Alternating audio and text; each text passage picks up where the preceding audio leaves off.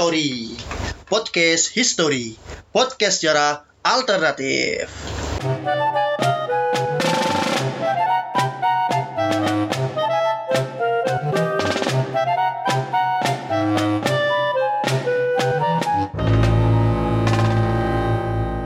Halo, selamat datang di podcast History di episode selanjutnya. Iya. Ini episode keempat ya. Nah, di episode kali ini kita akan ngebahas tentang kasus yang ber- beberapa hari ini terjadi. Ber- Bukan kasus ya. beberapa waktu lalu yang terjadi. Aku tuh malah menganggapnya ini apa ya Tragedi Tragedi bisa. Tragedi karena Ini butuhnya panjang kan Mm-mm. Kita akan ngebahas mengenai ujaran rasisme yang melibatkan beberapa oknum Iya terhadap uh, orang-orang Papua di Enggak, enggak oknum sih. Udah, udah ketemu kan itu kan ya kan berarti oknum dari aparat lah ya. Aparat. Orang aja bilang, bilang aja aparat bagian dari Iya, aparat. aparat bagian dari Jangan aparat. oknum Aparat aja. Kenapa tuh? ya jangan oknum seolah-olah nanti mereka mereka lepas tangan. Aku tuh malah gini don. Air air hari ini tuh menghindari bahwa oknum nih oknum enggak. Kenapa? menurutku ketika dia bagian dari institusi ya kan institusi itu harus bertanggung jawab. Ah, karena artinya dia lalai dalam mendidik personil personilnya staff tam- jadi hari ini kita akan membahas masalah aku bilang tragedi ya teman-teman Ya oke tragedi tragedi rasisme yang rasisme yang kemudian malah ber, dengan berbuntut panjang eh, dengan yang melibatkan aparat dengan teman-teman kita di Papua.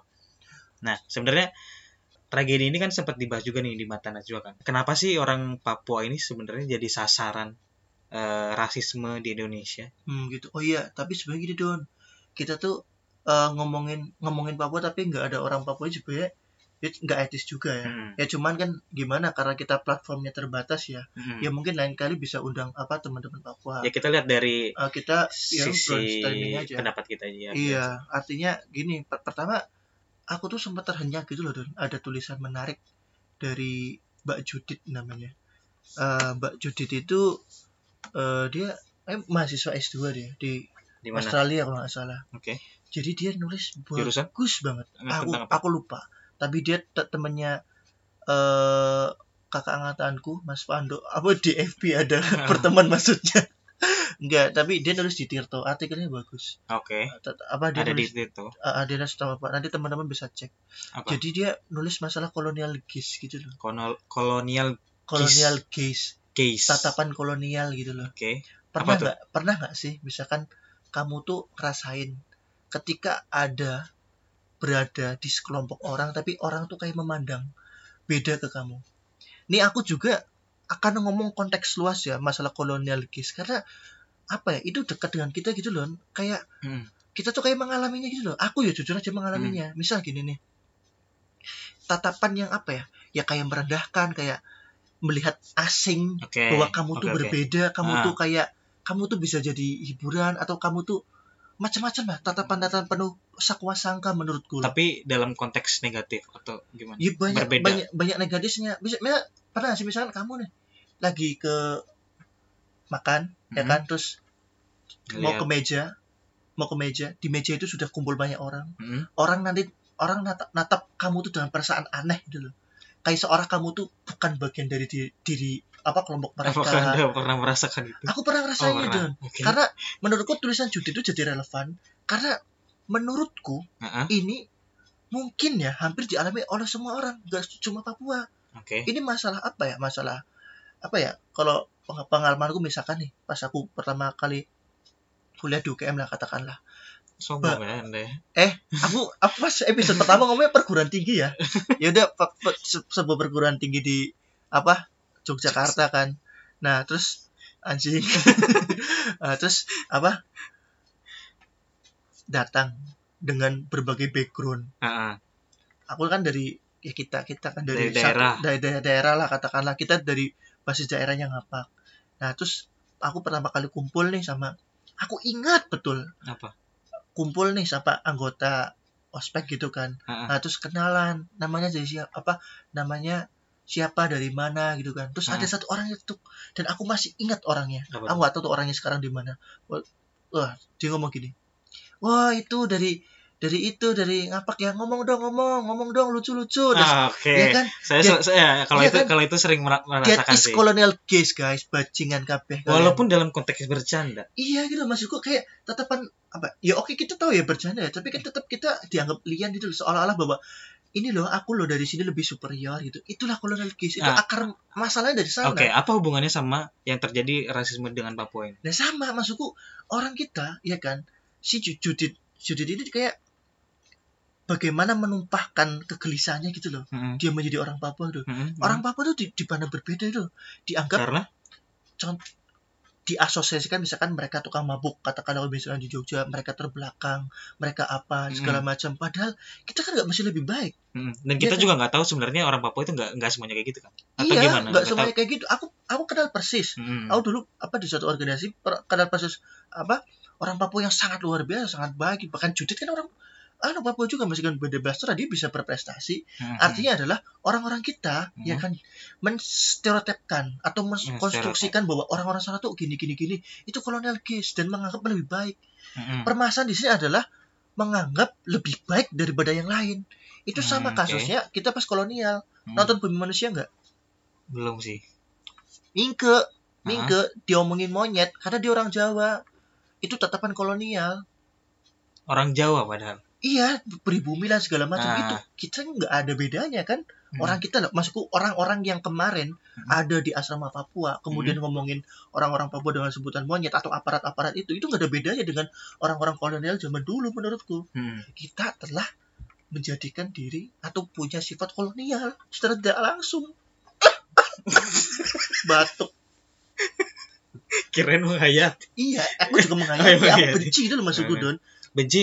Benci Dengan? karena ya ternyata kayak gitu maksudku bahkan dengan kita aja misalkan aku dulu pas pas Oke. awal pertama kali oh ya orang ngopak ngomong dong ngomong lucu Hmm. itu aja kadang tuh ada perasaan gimana gitu lu terbelakang lu daerah Oke, lu ya, gue nih kuliah di apa Dari- sorry gue gue besar Di di, Jakarta. ini nih Jakarta nih Iya, ini iya. gue apa nih asal dari Semarang nih ya kan gue pusat peradaban anjing Oke. lo ya kan kayak gitu apalagi misalnya orang sana makanya mereka juga pasti kan mau nggak mau sadar tuh jadi Apa? si Judi itu menambahkan itu kita menurutku ya salah Hmm. satu kena- kenapa masih kadang masih rasis Tapi ya apakah misalnya kayak itu kan semacam sebenarnya kayak bercandaan kan kayak mungkin lebih Enggak, kayak menurutku bercandaan sama anu beda loh Don nah tapi kan maksudnya kalau kolonial gis ini kan kayak lebih lebih serius nih maksudnya Hmm. melihat kayak eh, apa ya tadi meng- menganggap budayanya lebih tinggi daripada orang yang dia lihat Nah lah gitu. justru maksudku mental-mental itu kadang teraplikasikan dalam hal-hal kayak gitu. Mm-mm. Artinya gini loh, lu belum kenal, ya kan? Mm.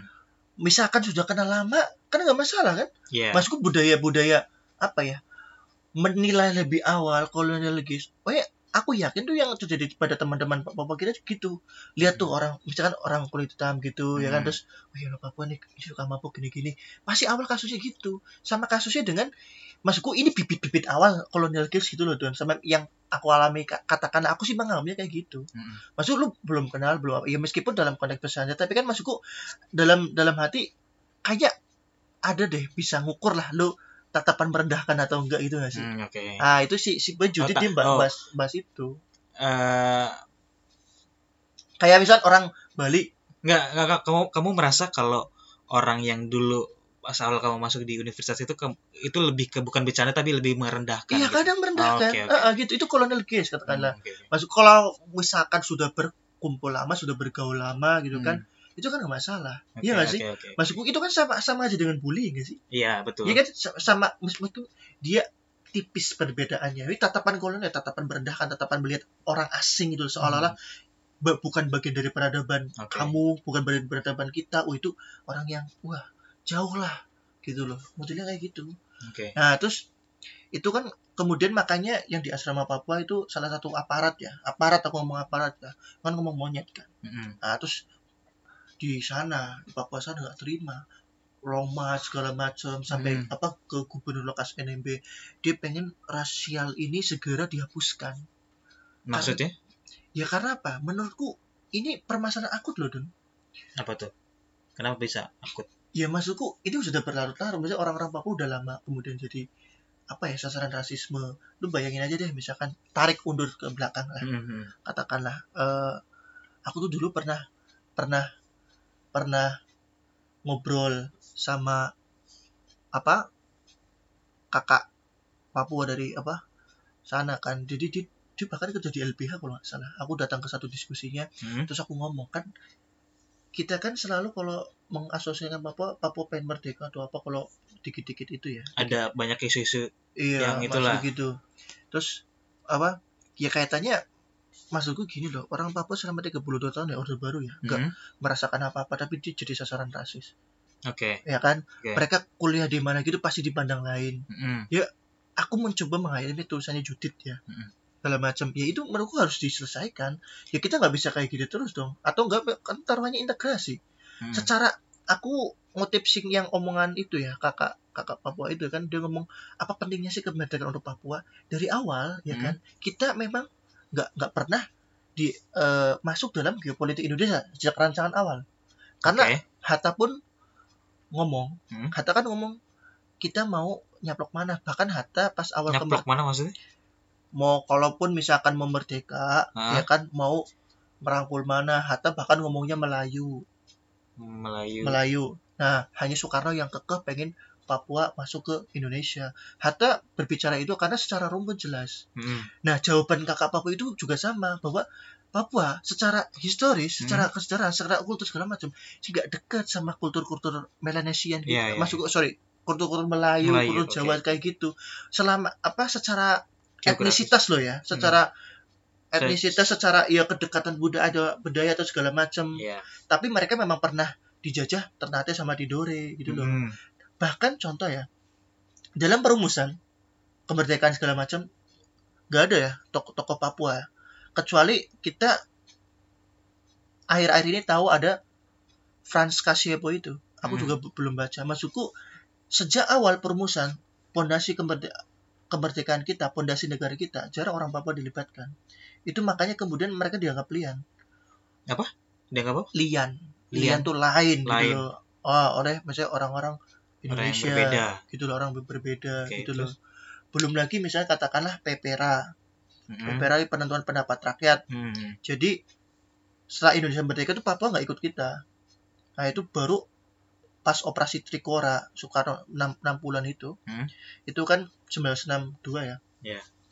terus 19 apa datang ke Papua itu terus sampai akhirnya PPRA penentuan Hmm. pendapat rakyat itu referendum itu tapi mau ikut mana nih Oke. Pokoknya mau merdeka sebenarnya Belanda udah ngasih kemerdekaan makanya ada bintang kejora itu ya Oke. bintang kejora at- erat kaitannya dengan eh, penyerahan kemerdekaan Belanda ke Oke. Papua sana karena dulu Papua sampai 6, 6, bulan kan masih perdebatan orang KMB aja konferensi meja bundar isinya Hmm. masalah Papua bakal diurus nanti artinya sejak awal memang mereka nggak dilibatkan dalam sejarah kita mau nggak mau loh ya Oke. nah maksud nas- seperti itu. nasionalisme kita NKRI kita negara kesatuan Republik Indonesia untuk Papua itu pancaplokan menurutku karena pepera itu kan juga pendapat pendapat rakyat ya banyak intimidasi dan segala macam Oke. belum lagi Freeport Hmm.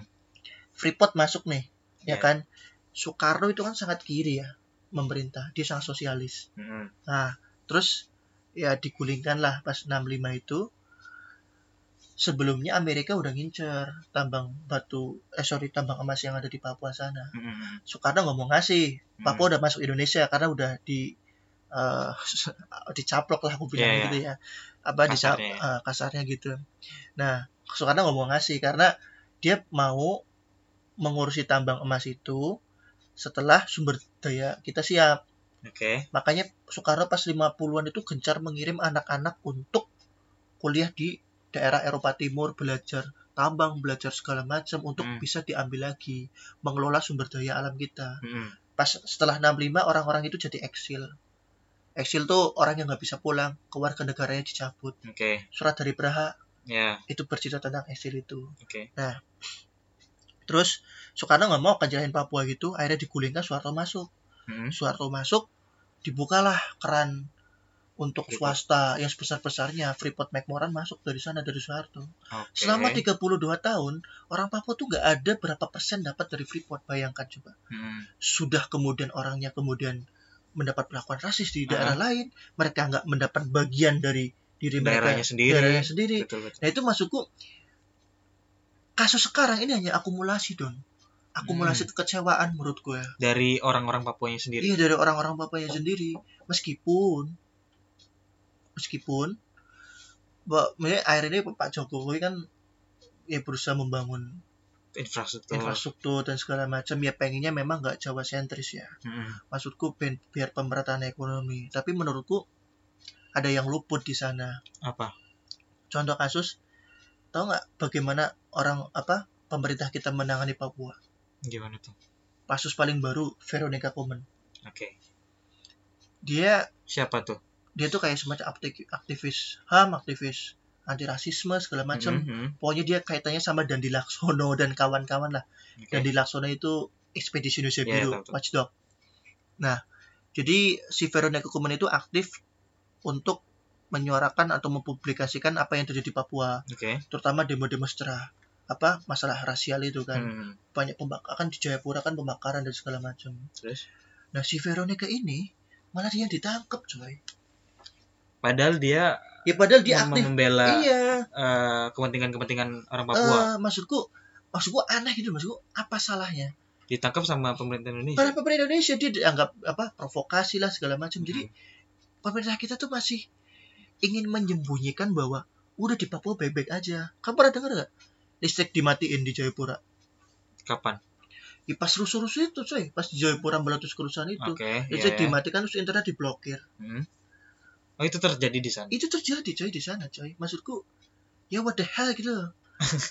Apa? aku jadi anu loh don kayak ingat cerita pas negara kolonial akhir gitu Apa tuh? Apa ada ada kaitannya dengan itu juga? enggak maksudku kayak pola-pola menurutku pola-pola negara kita tuh sekarang hampir mirip dengan pas negara kolonial akhir pas Hindia Belanda akhir itu Apa yang dilakukan pemerintah Indonesia terhadap Papua? Apa? Sedikit mirip dengan iya kolonial. menurutku Apa? Ap- Apa, miripnya? kayak anu ada buku bagus namanya The Late Colonial State Hmm. Robert Cribb namanya yang ah, yang nulis terus ada juga Robert Van Niel terbentuknya elit modern Indonesia kalau salah jadi Hmm. 19 1900 1900-an lah pokoknya sampai 1920 itu eh, negara kolonial Hindia Belanda itu Hmm. tuh aktif membangun Bahwa- jalan diperbesar, bangun-bangun sekolah, bangun fasilitas rumah sakit, Oke. bangun jalur kereta api. Itu namanya negara kolonial tinggi. Nah, tapi di satu sisi, ya kan pada masa akhirnya 1940-an, selain mereka membangun infrastruktur dan segala macam, mereka tapi punya indikasi atau punya penyakit anti kritik represif. Si orang-orang kolonial Iya orang-orang kolonial. Hmm. Nah makanya kayak orang-orang kayak Soekarno, Hmm. Syahrir mereka eh, melakukan kegiatan politiknya untuk kemerdekaan Indonesia ditangkap kemudian mereka kan dibuang ke Bovendigul ke Banda Naira Syahrir Hmm. Banda Naira juga eh, pernah Hatta juga iya terus Bovendigul dan segala macam artinya maksudku kalau hanya sekedar membangun negara kolonial juga bisa gitu loh Oke. artinya untuk masalah Papua we need beyond solution keren nggak belum. Menurutku i- ma- menurutku nggak nggak cuma itu artinya maksudku harus ada apa ya? Harus ada upaya-upaya yang luar biasa bukan bukan malah kemudian upaya-upaya re- represif mengulangi tindakan-tindakan kolonial. Kita udah rasis kayak orang kolonial sekarang pemerintah kita anti, anti bertindak- kritik juga. anti kritik menangani Papua udah kayak pemerintah kolonial main bladder-bladder aja. Hmm. internet dilarang segala macam. Padahal kan hak mereka juga Ya, terus ya. kemudian orang menyuarakan dilarang reform orde baru udah jauh bro Hmm, tapi hmm, kita nggak mau meninggalkan orde baru hmm. masih pengen represif aja kita udah mirip coy udah kita rasis mirip orang kolonial dulu Oke. kepada yang kita, apa nenek moyang kita rasakan sekarang pemerintah kita memperlakukan Papua Hmm. seperti pem- seperti negara kolonial akhir menghadapi orang-orang kayak Soekarno Syahrir yang pengen merdeka kan Oke. unik. Tapi bukannya kocak tapi bukannya eh, usaha-usaha yang dilakukan pemerintah itu memang ibaratnya untuk menjaga kesatuan Republik Indonesia nggak sih? Maksudnya sa- satu sisi satu sisi kan misalnya memblokir internet atau listrik kan mungkin lebih apa ya menjaga biar eh, kasusnya tragedinya itu nggak nggak menyebar luas kan. Maksud dalam artian eh, ya bisa diselesaikan lah gitu. Ya artinya maksudku tadi menjaga kesatuan Republik Indonesia tadi. Nah ya kan sebenarnya kalau dari sisi yang lain kan sebenarnya bagus juga nggak sih? Sayangnya enggak sih Don karena apa? Banyak kemudian media-media luar yang ngeblow up. Jangan lupa loh media media media luar pernah dilarang untuk meliput di Papua. Hmm. apa hak Apa, suatu apa? Negara? ya Contohnya? banyak coy. Eh pernah dengar itu? Jus Media. Jus. Jus Media. Enggak. sudah pak. Belum yang yang perempuan terus ya welcome to West Papua Uh, the best Indonesian colony. Oh I mean territory. Gitu. Oh, iya, iya, ya paham kan? Eh, the best colony. Eh I mean territory. Iya, itu diblokir juga gara-gara beritain Papua. Masku sedemikian anti kritik kita. Permasnya bukan gitu don. Patokannya kan negara demokrasi kan? Mm-mm. nah semua orang bebas berpendapat dong Iya, betul. dan hak informasi itu akses untuk umum kan? Iya. permasalahan pemerintah kita ditengarai menutup-nutupi kekerasan yang Mm. ada di Papua karena aku terakhir baca di Guardian itu berapa orang terbunuh di Papua juga maksudku, Hmm. ayolah kita gara-gara apa? Maksudnya? ya Kasusnya apa tuh? ya harusnya masalah rasisme kan kemudian menyebar sekarang kerusuhan masih terjadi kalau apa kalau lihat beberapa timeline aku sih gini me- melihatnya apa ya oke kemerdekaan adalah hak segala bangsa Oke. ya kan aku mengutuk apa tindakan rasis yang ada di Papua terus kemudian perilaku apartheid Kepada orang macam Papua. iya pada orang Papua nah permasalahan kan secara hukum memang masih di masih masih Masih dalam lingkup Republik Indonesia kan Betul. ayolah mesti pemerintah Indonesia menurutku bisa diselesaikan dengan cara-cara konstitusional. Kalau mau referendum ya referendum nggak usah pakai senjata gitu loh. Ini mirip-mirip apa pemerintah kolonial yang mengerahkan polisi untuk Mhm. menggepuk semua lawan-lawan politiknya kayak Marike Bloembergen bilang. Mhm. Marike Bloembergen tuh yang nulis polisi pas zaman kolonial Belanda. Persis dan polanya sama menurutku. Maksudku oke lah kita kedepankan. Maksudku kan banyak kan orang-orang pintar di struktur pemerintahan di jajaran kabinet Hmm. masa ya menangani Papua hanya sekelas internet dimatikan bisa lah lebih dari itu undang ke apa tokoh adat atau Hmm. apa Gus Dur pernah melakukan itu kemudian bagaimana menjanjikan hal yang adil Jokowi sudah memulai start bagus ya maksudku dengan sarana prasarana ini Iya. meskipun itu belum cukup menurutku Oke. Nah bisa dikedepankan dialog atau apa jangan memakai cara-cara yang militeristik Oke. karena bagaimanapun juga itu kan wilayah kita. Masa Hmm. untuk wilayah negara sendiri pakai cara militeristik kan Oke. enggak juga. So sebenarnya berarti eh, apa ya? Solusi dari permasalahan ini kan a- agak-agak rumit sebenarnya kan. Di, eh, dari sisi pemerintah juga yang dirasa agak anti kritik sedangkan beberapa misalnya aktivis eh, tadi juga berusaha menyuarakan tapi akhirnya suaranya juga terbatas gitu. Iya. Sebenarnya apa yang bisa kita lakukan untuk Iya maksudku mendukung atau misalnya solusinya sebenarnya solusinya apa sih solusinya untuk tindakan rasisme Menurutku, atau misalnya yuk, teman Papua yang di sana? kita harus satu ya mulai menghilangkan kolonial case menurutku situ. Itu yang paling menyebalkan menurutku. Kolonial case merasa apa superior ah. segala macam dan untuk ya pemerintah masih perangkat pemerintah kan banyak ya. Men- aku sih kadang heran gini loh Don. Papua membara kayak gi- gitu sana. Kita kan menyuarakan kritik kinerja eksekutif kan nggak bisa ya. Harusnya pemerintah tuh kayak punya oposisi yang cerdas juga. Aku lihat tuh kayak di Inggris Mm-mm. kan ada dua partai bersaing tuh Mm-mm. Eh, partainya buruh Labour Jeremy Corbyn Hmm. pemimpinnya sama konservatifnya Theresa May sama Boris Johnson itu Mm-mm. si Jeremy Corbyn ya kan eh aku pernah lihat tweetnya gini pas Boris Johnson perdana menteri ter, apa perdana menteri Inggris terpilih itu Boris Johnson langsung ngomong dengan tegas gini Boris Johnson don't have plan for Britain Mm-mm. maksud kritik-kritiknya tegas gitu loh Oke. demokrasi kita tuh rumit don artinya maksudku harusnya kanal-kanal yang harusnya berfungsi enggak kayak misalnya oposisi Mm-mm. di apa kayak DPR atau apa harusnya kan memberikan kritik-kritiknya juga yang terjamin dulu. Kita tuh apa ya? Nggak asal kayak maksudku hoax dan segala macam itu ya. iya maksudku gini loh. Eh kemarin puspen TNI hoax juga loh itu. Jadi puspen TNI sorry ini nyambung ini ya. Aku Ah. sebel juga puspen TNI kayak jadi nyebar berita Reuters gitu tentang pembunuhan gitu terus Mm. puspen TNI ngomong hoax Mm-mm. Padahal beritanya memang bener, emang terverifikasi. Nah sampai menutup-tutupinya gitu loh, maksudku nggak usah ditutup-tutupi gitu gitu loh. Hmm, Oke. Maksudnya oke. akses ini kan posisinya kan negara demokrasi, orang punya akses Ah. atas apa semuanya gitu loh. Oke. Oke sorry, ke, balik ke Boris Johnson itu. Jadi kalau di Inggris kan gitu kan, masih Ah. kayak oposisi tuh kan kritiknya tuh pedas dan keras gitu loh.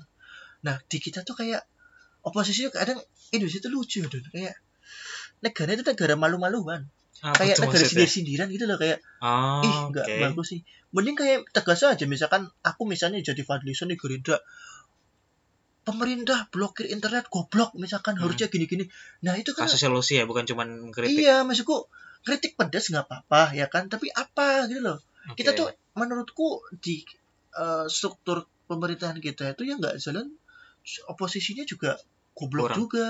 Iya menurutku. Kayak apa kayak maksudnya misalkan nih pemerintah eksekutifnya ngel- apa ngeluarin kebijakan apa? Oke. Lu mau kritik kritik aja. Yang pedas pedas sekalian. Oke. Misalkan nih aku nih dari Gerindra atau apa apa ngomongin Papua nanganin penduduk kok pakai cara mil- militeristik misalkan goblok. Nah, atau misalnya kritik lagi masa negara demokrasi pemblokiran internet goblok? Aku kalau jadi oposisi gitu harusnya gitu dong. Oke, iyalah oposisi nggak ada garang-garangnya juga ya kan? Oke itu dari belum. Hmm, itu loh jangan lupa aku juga kadang ini ringkih ya maksudnya ada sungkan juga ya kayak sejak pemilu selesai itu kayak bermunculan Prabowo fanboy Jokowi fanboy gitu. Jadi kenapa? Seolah-olah kayak yang apa yang Jokowi lakukan tuh selalu benar nggak ada salahnya. Terus seolah apa yang Prabowo lakukan tuh benar nggak ada salahnya. Hmm, di kasus Papua ini juga aku melihat itu juga don. Kayak misalkan apa orang tuh? yang udah terlanjur fanatik ke Jokowi ya mungkin kayak kamu juga. "Oh, ini Ah, kan baik. gua juga. Ya biasa contoh contoh pemblokiran internet itu baik. Kadang maksudku kita sebagai warga negara itu nggak apa ya menempatkan diri sebagai orang dengan pikiran yang adil oke lu boleh milih Jokowi tapi kalau Jokowi salah ya harus diakui dong iya iya itu loh jangan kayak aktivis itu loh Fajrul Rahman apa si Dandi Laksono kan Oh, nge anu kan nge retweet Fajrul Rahman. Jadi Fajrul Rahman kan aktif 98 gitu kan. Dulu tuh sempat pengen menggagas kayak presiden independen, tidak Hmm. dari partai gitu. Hmm. Nah, terus kan dia si Dandi Laksono nge-tweet gini, "Eh Fajrul, lu juga dulu bareng sama-sama gua. Hmm. Lu ikut aksi kamisan buat Papua juga." hmm. lu kok lu jadi gini jadi banyak aktivis-aktivis membum juga Hmm. artinya masuk membelot artinya sudah kehilangan nalar pikirnya yang adil Hmm. nah itu juga menurutku salah satu faktor banyak masalah ya di Indonesia yang nggak terselesaikan dengan baik karena banyaknya fanboy fanboy goblok itu itulah terlalu maksudku terlalu terlalu die hard terlalu gitu. over kali ya terlalu terlalu over terlalu mana- Heeh. over ter- eh, menyukai sesuatu gitu kan aku bilangnya fasis gitu sih fasis Fasis. fanatik lah fasis malah jadi negara nggak usah fasis rakyatnya udah fasis ke Jokowi Oke. asalkan pokoknya bener aja Nah. juga fasisnya Prabowo juga sama aja dua-duanya goblok anjing semua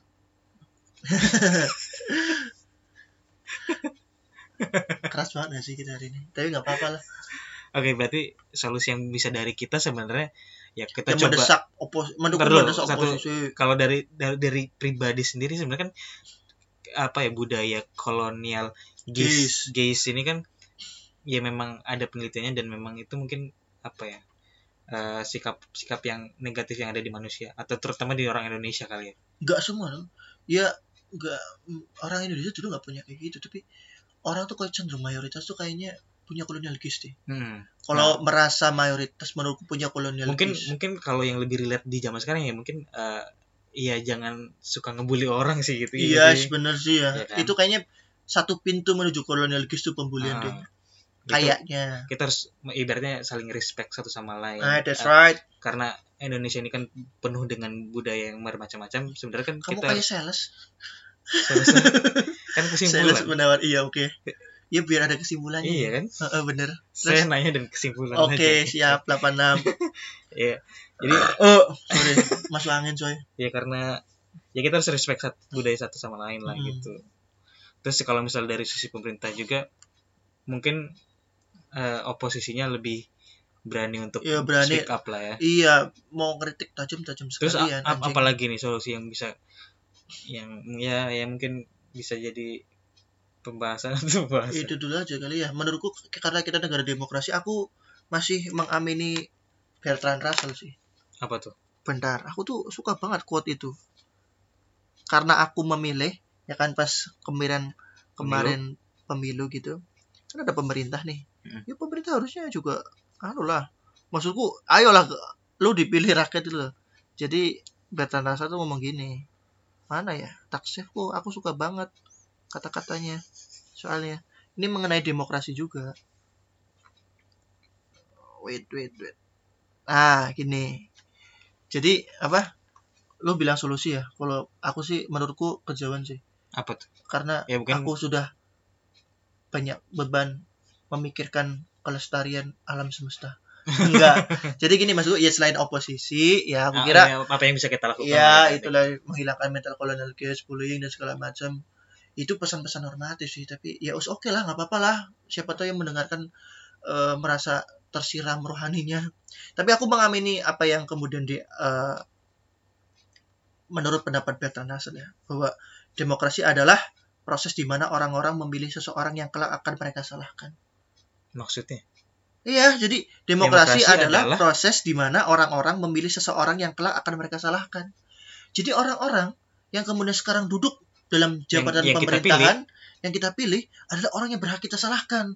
Karena mereka harusnya punya porsi yang lebih untuk mikirkan itu. oke Apalagi sekarang kan kanal kan banyak nih, banyak media alternatif, sosial media. Mm. Otomatis kan mereka lebih gampang mendengar dong iya betul ya kan harusnya mereka bisa berpikir maka hari ini ya oke sekali lagi saya mengamini Bertrand Russell demokrasi adalah proses di mana orang-orang memilih seseorang yang kelak akan mereka salahkan itu dari saya Oke, Iya, itu mungkin sedikit pembahasan tentang eh, tragedi di Papua. iya Nanti mungkin, masih ya, berlangsung stay strong Nggak nggak nggak nggak akan semuanya bisa ke bahas sama kita juga kan. Mungkin Mm-mm. ada poin-poin yang ber- yang yang belum dibahas Hmm. atau teman-teman juga punya pembahasan tentang Papua juga bisa Hmm. sharing-sharing juga. sekali lagi harusnya memang kita membicarakan ini ya bersama teman-teman Hmm. Papua karena siapa kita belum mewakili suara mereka tapi Mm. ya sekali lagi ini hanya untuk wac- eh, wahana brainstorming wahana ya diskusi semoga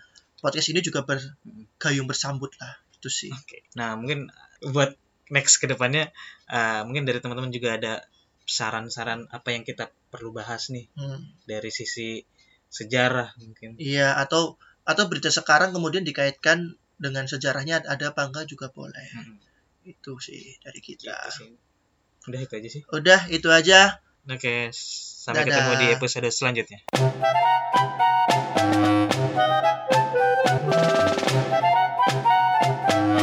Potori podcast history podcast sejarah alternatif